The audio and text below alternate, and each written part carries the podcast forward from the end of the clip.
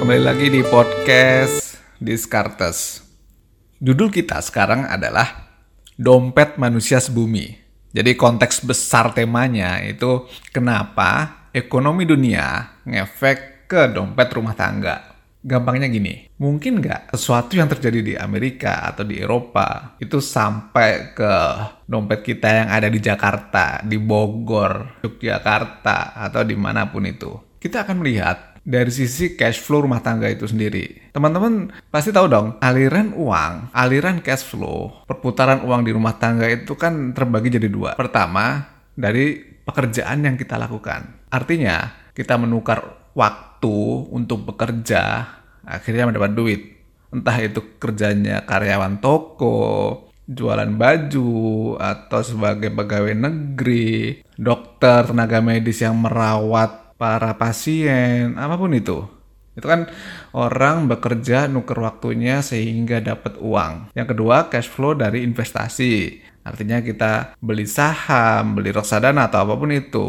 Bisa juga kalau kita invest ke teman atau kita invest ke orang yang membuat bisnis sehingga dapat bagi hasil, even itu real atau pasar modal. Ya, konteksnya adalah investasi. Jadi ingat ya ada dua. Yang pertama dari cash flow kerja, yang kedua adalah cash flow dari investasi. Kalau kita ngomong ekonomi, global ekonomi itu kan interkoneksi ekonomi itu sendiri, ya kan?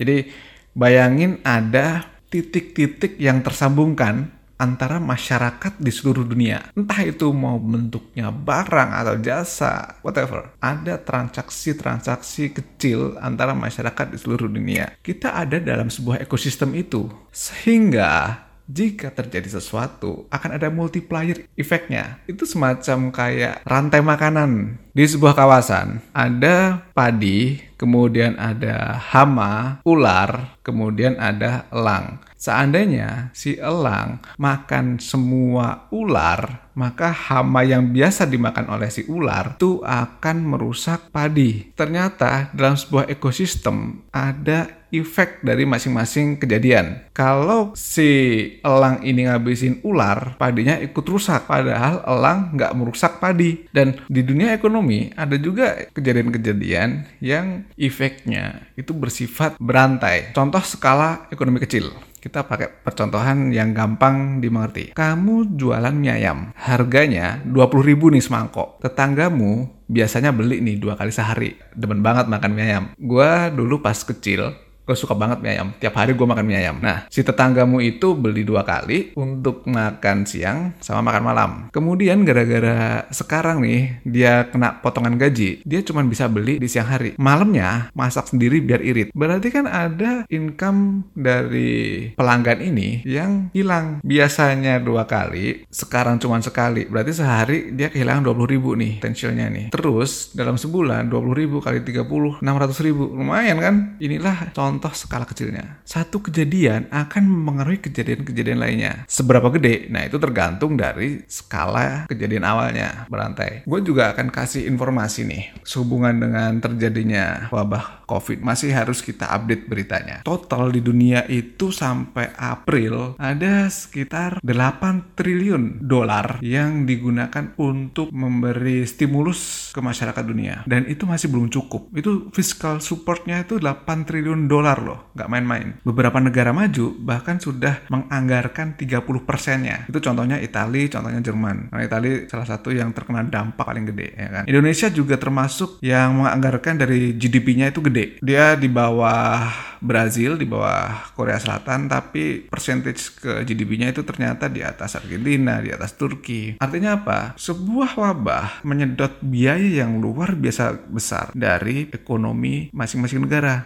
Totalnya 8 8 triliun nih dolar dan belum selesai sampai sekarang. Kemungkinan besar pasti akan terus bertambah. Itu bisa dari uh, government guarantee atau pinjaman macam-macam, below the line macam-macam. Ketika kita bicara soal fiscal supportnya, tentu negara-negara ini berpikir nih, jangan sampai kita ngedrop itu kebangetan. Makanya mereka mengeluarkan stimulus-stimulus biar ekonomi masih gerak, tidak makin parah karena ini sangat dijaga gitu. Kemudian gimana efeknya ke industri? Industri industri yang dekat dengan kita. Contohnya, batu bara deh. Kalau teman-teman lihat di bursa, maka akan kelihatan saham-saham batu bara itu banyak yang turun. Kita kembali ke contoh corona, contoh COVID-19.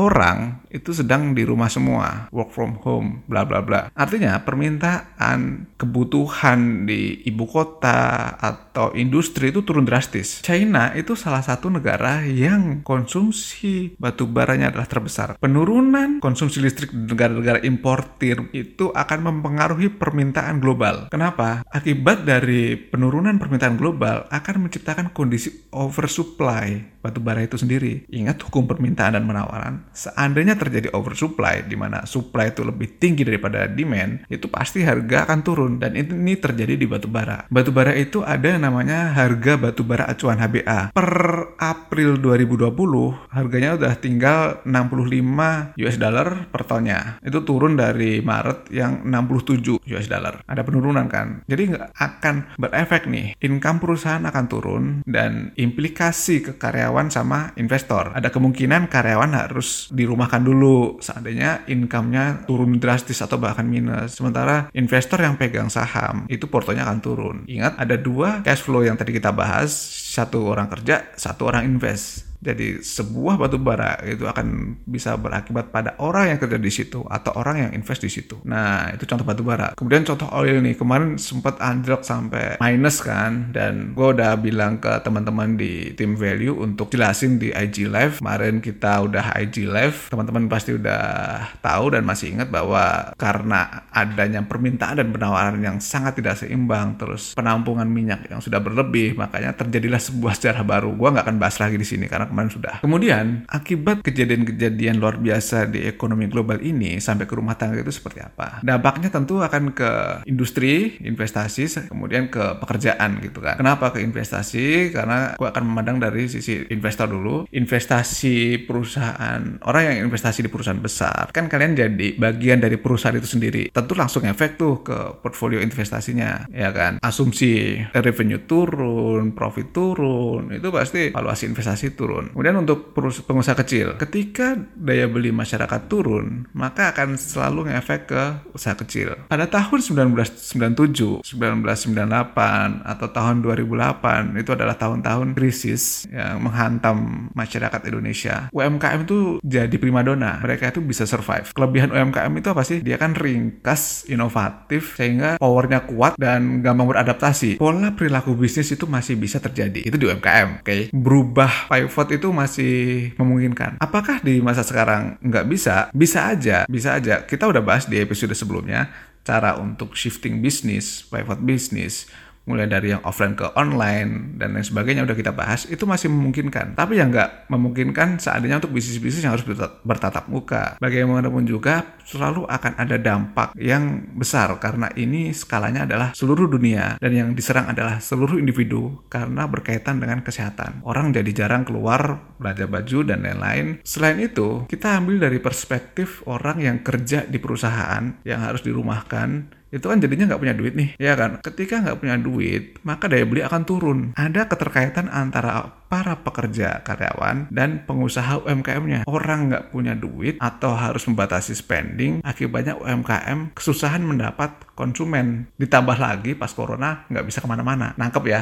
hubungan antara para pekerja yang harus dirumahkan dengan si UMKM itu. Makanya kalau sekarang UMKM bisa dibilang menemui masalah yang luar biasa, harus ekstra Kemudian kita akan sampai ke kesimpulan terakhir, ke pertanyaan yang di awal gua sampai sampaikan. Kenapa ekonomi dunia ngefek ke dompet rumah tangga? Jawabannya adalah karena ekonomi rumah tangga itu bagian dari ekonomi masyarakat internasional. Kita tidak bisa memisahkan fakta itu. Oke, okay? selalu akan ada efeknya. Yang membedakan skala efeknya itu dua hal. Yang pertama adalah lokasi, yang kedua adalah relasi lokasi, artinya sejauh mana skala masalah internasional itu terjadi. Semakin gede, semakin besar atau luas masalahnya akan semakin berdampak ke kita. Kemudian kalau relasi, itu ada hubungan bisnis atau enggak sih? Mau itu dari sisi kamu, mau itu dari sisi perusahaan kamu, mau itu dari sisi negara, ada hubungan bisnis atau enggak? Kalau ada hubungan bisnis dengan sumber masalah, pasti akan mengefek. Contohnya gini, ketika ada perang dagang, itu pasti ada efeknya ke Indonesia. Kenapa? Karena hubungan Indonesia dengan China itu kuat, hubungan Indonesia dengan Amerika itu juga kuat. Pasti ada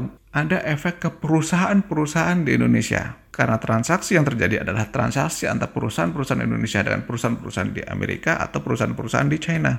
Kalau sebuah kejadian itu tidak terlalu luas, artinya skopnya itu hanya kecil di negara A gitu dan tidak sampai ke Indonesia, maka potensi untuk sampai untuk berimbas ke dompet rumah tangga di keluarga Indonesia itu juga akan kecil. Lain ceritanya, kalau sumber masalahnya itu justru dari Indonesia itu sendiri, negara kita sendiri. Artinya gini, di Indonesia artinya kan dari perusahaan-perusahaan yang ada di negara kita.